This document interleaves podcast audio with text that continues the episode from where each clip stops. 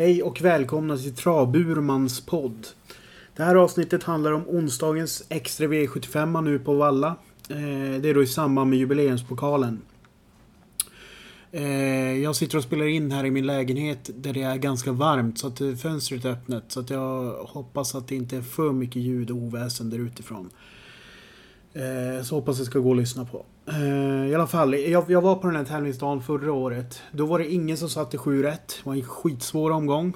Jag själv satte 6 rätt på mitt dåvarande andelssystem och det gav väl ett par tusen eh, tillbaka per andel. Nu, eh, nu ser det på förhand lite lättare ut. Eh, dock så kommer jag ihåg att det på förhand kanske inte såg så himla supersvårt i fjol. Men jag tycker ändå att det såg värre ut i fjol eh, jämfört med nu. Så att det är lite risk lite risk för att det blir lägre utdelning den här gången. Eller i alla fall att utdelningen går ut. Får man säga. Angående Solval, Solvalla som bana då, så är det en bana utan en massa krusiduller. 200 meters långt upplopp. Och jag tycker faktiskt att det är eh, ingen extrem spetsbana. Jag tycker att det går att komma ganska snabbt bakifrån. Även lite senare i loppen. Gå över direkt på omgången. Avdelning 1, 1640 meter volt, Big Noon pokalen. Treåringarna startar på startvolten och fyraåringarna har 20 meters tillägg. Noterbart är att sju av de tio senaste loppen så har det vunnits utav treåringar. Det vill säga eh, hästarna på startvolten. Första häst tycker jag är Destiny DJ. Eh, gick 13,2 senaste starten i Axevalla och vann före Strängnäs Palema ganska överlägset. Tror man att han har ett liknande intryck i sig den här gången så är det absolut en spik på Dest tre Destiny DJ. Eh, bör väl också komma till ledningen. Kommer han inte till ledningen så kan det nog bli lite kämpigare. Eh, andra häst för mig, Strängnäs, nummer ett Strängnäs Palema. Ja, det var den här hästen som var tvåa efter eh, Destiny DJ. Eh, Krebas har sagt att han kommer inte släppa hur som helst till någon annan. Utan han kommer nog sikta på att köra, köra till spets. Och ska någon köra förbi honom där så kommer det kosta. Eh, så det är det som jag har emot Destino DJ om han inte skulle komma till ledningen där. För att Strängnäs Palema ligger i ledningen. Sen då till den, eh, den hästen som är intressantast på tillägg. Det är då Kraktigiri Falco. Det är ju då Timo Nurmos fyraåriga vinstmaskin. Han har gått fram som en slottermaskin. Enda plumpen var att han galopperade tidigt i Elitloppshelgen. Men han är väl den enda på tillägg som jag tycker är realistisk att hinna ikapp. Tre Destino DJ och nummer ett Strängnäs Palema. Så jag tycker att de tre är ett solitt, solitt lås. Vill man ta ställning så tycker jag att Destino DJ är ett, ett spikalternativ. Han är just nu bara sträckad till 38 procent. Och det, det här är då tisdag, tisdag eftermiddag. Så det är drygt lite mer än ett dygn kvar till spelstopp. Så att det är klart att eh, det är ju alltid gynnsamt att spika i första. Så där kanske man ska ta ställning. Avdelning 2, 2140 meter auto. Eh, Bernt Lindstedts lopp. Det här är då det första utav tre storlopp på kupongen. Här är det intjänat 100 000 till 400 000. Det här känns väl lite halv, halvöppet får man ändå säga. Jag tycker att Tipsy Bartender är väldigt intressant. Vann senast ett lopp, eh, treåringslopp, eh, på Axvalla. Eh, där då Tipsy Bartender vann bland annat över Lollo Trott. Som jag tror väldigt mycket på i samband med Breeders Crown i Örebro i helgen. Eh, sen Passion Tile. Eh, ett Passion Tile. Eh, senast säger de att det var en orutinsk galopp. Eh, men det här är en väldigt kapabel häst. Har man sett från de starterna han har gjort i Norge. Sen en av de som är absolut intressantast för mig, det är nummer 10, Ivanka, Ivanka Amok. Gick otroligt fint senast vid döden vinst. Och då gick hon alltså i ett lopp där eh, där det var också ett storlopp, men det, där eh, propositionen var betydligt högre än vad den är nu vid ett voltstartslopp. Men hon vann alltså från dödens i, i det tuffare gänget. Så jag tycker att även från spår 10 så så ska det vara tidigt streck. Eh, det som är lite oroande är att hon galopperade dubbelt två starter innan senast. Så att två gånger tidigare så har hon galopperat. Men det var så vitt jag kan se så var det minst ett av de loppen var volt också. Och nu är det ju autostart. Eh, så att går Ivanka Emok iväg bra. Men det, bakspår brukar ju brukar ju kunna innebära att det blir bättre avgång för hästar som har problem med travet. Jag tycker det är tidigt streck i alla fall. Sen tycker jag också att Dream of Money DE nummer tre eh, är intressant som storskräll. Det är ju Hans Krebas som tränar och kör. Hans är absolut en av mina favoritkuskar eh, och tränare på hela V75-cirkusen. Han är dessutom väldigt bra på formtoppa. Vid den här omgången förra året så storskrällde ju Bransbys Jukebox i jubileumsdagen. Eh, så att han, han, vet, han vet nog hur man ställer i ordning för att för den här tävlingsdagen. När det gäller Dream of One DE så får man bara glömma sista loppet. Sulken gick sönder eh, så att Krebas fick ju främst sitta och hålla, hålla ihop eh, vagnen så att de skulle ta sig i mål. Eh, och sen så var det ju en sån där läskigt bra insats från eh, Gerben i lördags. Som eh, brukar vara ett, ett, tecken på att Krebas eh, stallform är i stark framryckning. Gerben såg ju kanonfin ut i lördags. Eh, här tycker jag också att det finns en häst som är betydligt för mycket sträckad. Och det är nummer två, Karisma Bocco. Nu ska vi se här. Här är det till och med så att hon har blivit favorit. Nej, hon är... Hon är knappt tvåa på sträcken bakom Tips Bartender.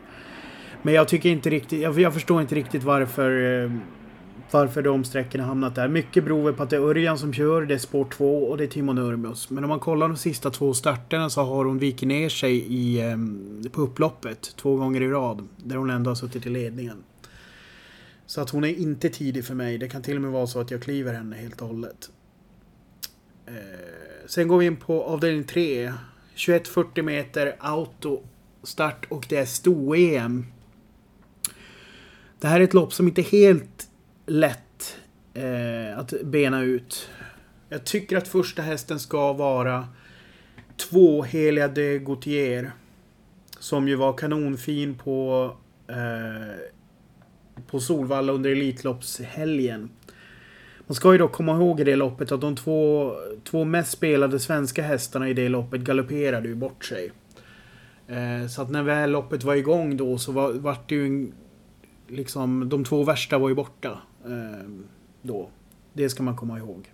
Så att jag skulle väl inte spika men jag tycker att hon spe, blir underspelad mycket just återigen på att eh, det är en eh, fransk häst. Eh, nu ser jag dock på sträckan att det har dragit iväg lite på det senaste dygnet. Så att nu börjar hon väl vara i paritet med vad hon ska vara spelad till. Eh, andra häst så sätter jag Soidi AMG 8 Soidi AMG.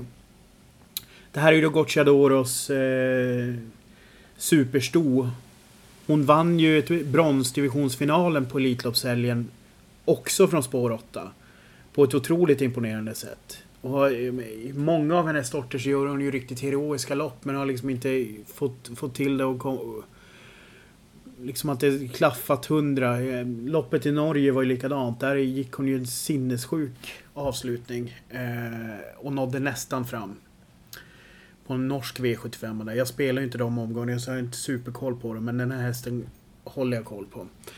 Nu är det då en månads uppehåll. Och i den starten så gick hon ut mot guldhästar i Finland. Eh, det var flera svenska guldhästar i startfältet. Eh, här får man ju kolla vad Gocciadoro säger, hur hon hanterar, eh, hur han tror att hon hanterat uppehållet. Men är hon i närheten av hur hon såg ut i under Elitloppshelgen, då ska man inte räkna bort henne. Mitt tredje streck blir då Honey Meras, som ju är fortsatt alldeles för hårt spelad. Eh, senaste loppet på Axvalla så var hon inte ens nära att gå felfritt. Eh, hon kan ju absolut vinna. Speciellt med tanke på att det är Örjan som kör och det är Redén som tränar och alla vet hur jävla bra de är på att ställa i ordning till eh, lopp med så här mycket prispengar i första pris. Men Men eh, är obegripligt att hon är spelad till 41% i nuläget. Jag tar nog med henne, men eh, det är, inte, det är inte det roligaste strecket på kupongen. Utan det är mer en, en, jag vill inte åka på henne snarare än att jag tror att hon vinner. Eh, tänker man utanför de här tre då blir det ganska öppet. Eh, så då får man nog sträcka på. Jag tycker, jag tycker det fjärde strecket skulle kunna vara sju Chicharita. Men jag har lite svårt att se att, att hon ska räcka till. Men gick ju en kanontid i, års, i en eh, väldigt sen årsdebut för Normos senast. Eh, och hon ska ju formtoppas för hösten sägs det från stallet. Så att där får man väl se... Jag, jag tar nog inte med henne. Men liksom skulle man få för sig att gardera på ordentligt så tycker jag hon är tidig. Sen har vi avdelning 4.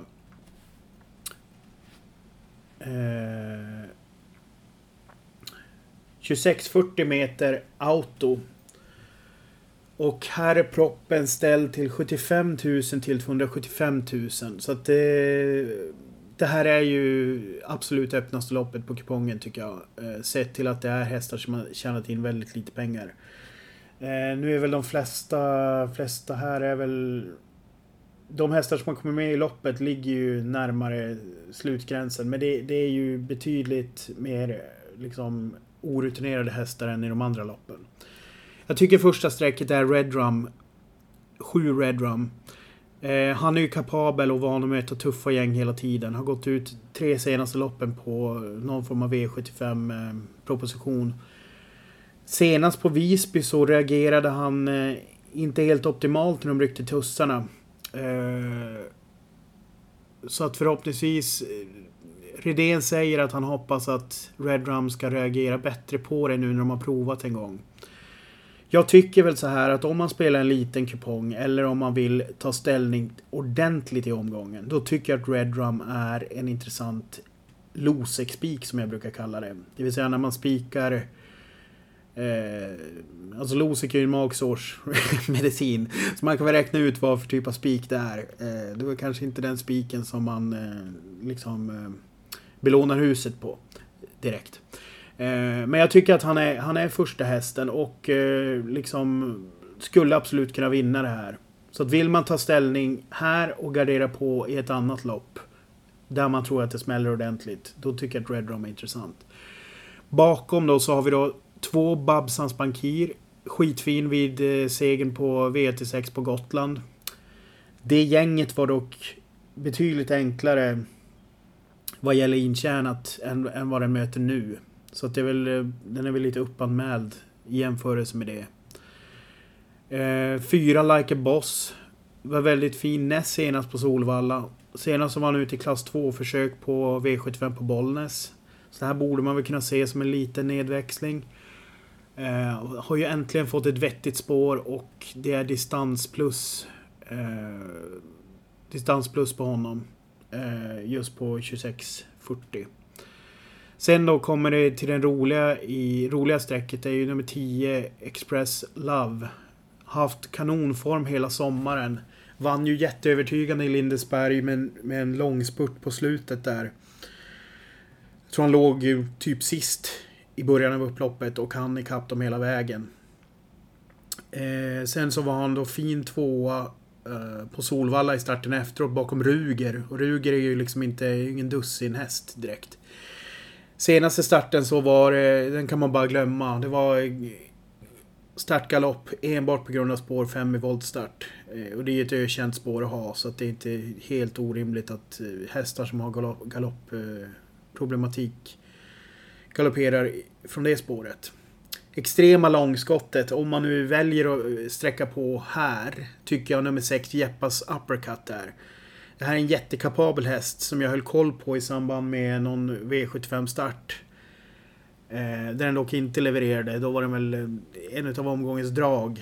Eh, nu är det ju, eh, hästen har ju problem med pollen, pollenallergi. Jag vet inte, jag tycker dock att Solvalla som bana känns mindre grön.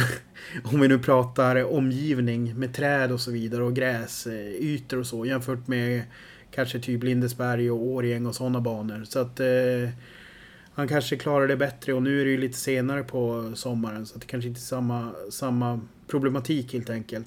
Sen är ju Torbjörn Jansson har ju en väldigt bra kuskform just nu. Speciellt sett till hur få lopp han kör. Han har ju skrällt med flera kallblod på slutet och det skulle inte alls förvåna mig om han eh, sätter dit ett varmblod då och då. Men det är liksom inget tidigt streck. Eh, utan det är, garderar man på ordentligt så tycker jag han, han ska med på det. Avdelning 5 då. Eh, här har vi då Queen Els storlopp. Det tredje storloppet på kupongen. Och det trista svaret här är ju att den sunda personen låser ju på de här två. Eh, om, eller sunda personer ska vi inte säga, men alltså den, den liksom, det, det ser verkligen ut som att det är mellan nummer två Bentley Gar och nummer sju Margareta Thomas som det står mellan. Liksom den sannolika lösningen. Tillsammans har de 78% på strecken och det är väl, eh, det motsvarar väl absolut att någon av dem ska vinna. Sen är det väl värt att, alltså det finns ju för och nackdelar med båda två om man skulle vilja ta ställning. Återigen då, Örjan kör Margareta Thoma. fast det är ju en Redén-häst. Så att här, här kan det ju faktiskt vara så enkelt att han har valt att köra den på grund av att det är Redén. Eh, och inte för att han kanske tycker att det är absolut bästa chansen. Men det är, jag tror nog att det också spelar in liksom. Så att jag hade väl blivit mer förvånad om han hade... Hade Örjan satt upp sig på Bentley Gar då kanske jag hade rankat en tydligare etta av den anledningen. Bentley Gar är ju också, har ju också ett staket bakom sig och har gått kanonfint. Um, Magnus Djuse kan ju köra häst. Uh, vi ska se här om det till och med är första gången upp för honom. Ja, det ser ut... Det är för, faktiskt första gången upp för Magnus på Bentley Gar. Och det är ju väldigt stort kuskplus. Han, han har ju själv sagt att han ofta får fart på ston eh, första gången han kör dem. Så det är ju ett väldigt stort kuskplus. Vi får se hur jag gör. Jag vet inte. Jag, kanske tar jag ställning här eller så kör jag två hästar. Vill man ha det extrema långskottet om man tror att typ båda galopperar bort sig eller något liknande. Då tycker jag Först, först och främst så blir det en väldigt stor gardering då. Eh, därför då kan väldigt många hästar vinna. Men sett till, sett till hur de är streckade nu så tycker jag att Nikita, nummer 9, Nikita Sunrise spelad till 0,88% är väldigt intressant.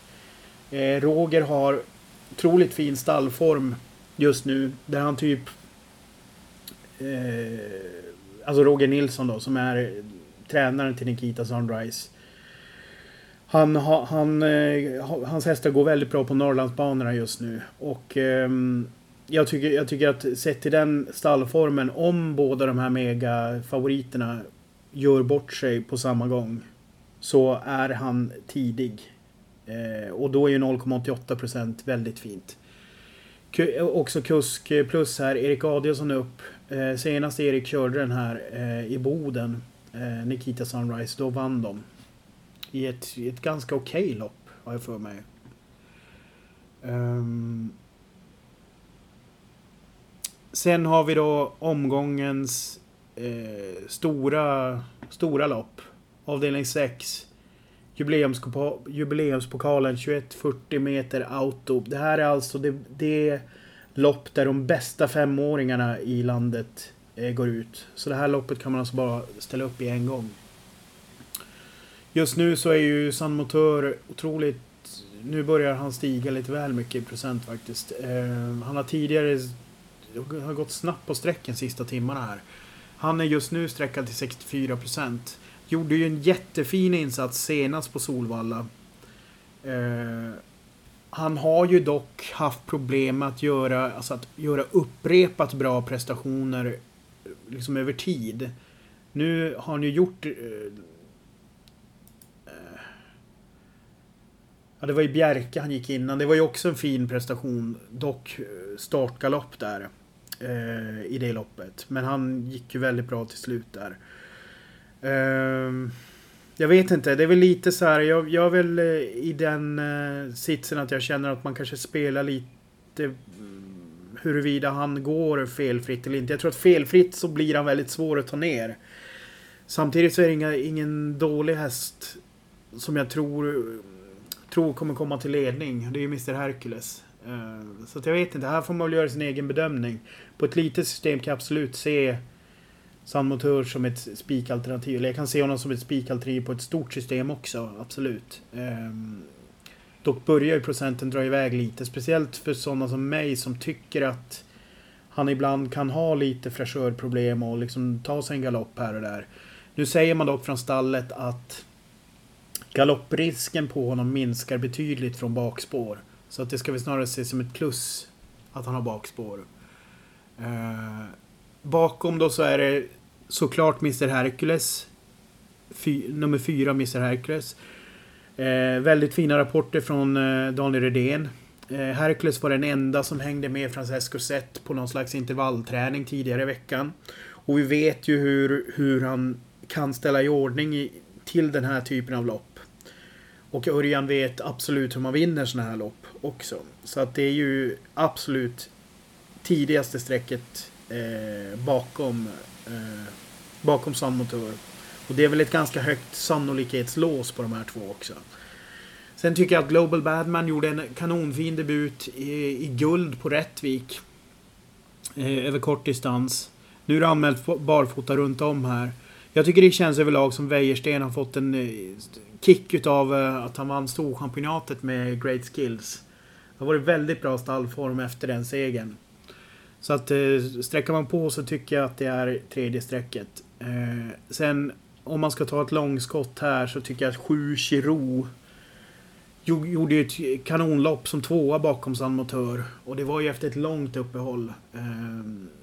Så att med det loppet i kroppen så kan han kanske vara med där och hugga om, om några av de betrodda gör bort sig och eh, han får, han får loppet. Det är ju lite vingligt med spår 7 men eh, det är långskottet. Avdelning 7, då har vi då 31-40 meter voltstart. Jubileumsdagen. Eh, proppen här är hästarna ska ha tjänat minst 275 000. Sen är det tillägg 20 meter på 750 1040 meter på en och en halv miljon intjänat. I fjol så var det ju alltså storskräll i det här loppet. Eh, Bransbys Jukebox vann till runt 80 gånger i vinnarodds. Så det här minns jag därför att jag hade en... Jag jag var där, jag var ju på tävlingsdagen med några vänner. Och där eh, en av mina kompisar spelade Bransbys Jukebox som vinnare. Eh, så det blev en kickstart på den dagen. För honom. alltså den vann alltså till 80, runt 80 gånger, jag minns inte exakt. Eh, den gången så var ju dock Racing Brodda lite obegriplig favorit i det loppet.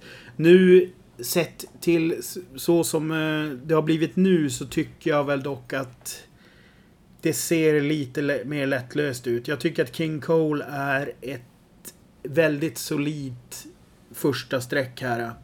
Han står ju för det första väldigt bra inne på pengarna. Hade han tjänat 50 000 till så hade han behövt stå 20 meter längre bak. Sen Per Lindroth har ju kört den här hästen eh, på hundradelen tidigare. Eh, och eh, han, han går ju klart ner i klass jämfört med segern på Halmstad. Där vann han på 13-8 över samma distans. Den gången så mötte han Starry Leonardo, Hades de Vandell och Spickleback Face. Så att jag tycker väl faktiskt att sett till hur omgången ser ut så är väl det här ett absolut en utgångshäst eller nödspik i sista omgången. För jag tycker faktiskt inte att han är sönderspelad. Just nu, alltså tisdag eftermiddag, står han till drygt 36 procent. Och man brukar kunna se betydligt värre procent på favoriter i sista avdelningen som eh, kanske inte har lika stor vinstchans. Jag tror att om han går en likvärdig tid som han har gjort de sista starterna eller framförallt senast, då, då kommer ingen komma ikapp honom. Eh, varken... Ja, han, han kör ifrån dem på start och de på tillägg kommer inte komma ikapp. Eh, så att det är väl någon form av utgångshäst. Slash nöd... nöd eller det är fel att kalla det nödspik. Det är en spik bara. Men i och med att det är i sista avdelningen så. Jag vet att folk ibland drar sig för att spika i sista. Men här tycker jag faktiskt att det är ett vettigt alternativ. Eh, bakom honom då så har vi Versace Face. Eh, alltid med och hugger men svårt att sätta mulen först. Eh, men här, återigen här. Eh, Örjan, eh, Örjan och Redén de vet hur man vinner den här typen av lopp. Skulle King Cole dra en start, startbrasa eller liksom... Eh, springa på en sten och trampa snett eller någonting, ja då, då kan man räkna med att Örjan är där och hugger. Eh, sen tycker jag 11 Global Adventure är kapabel men det är otroligt långt fram på 40 meters tillägg.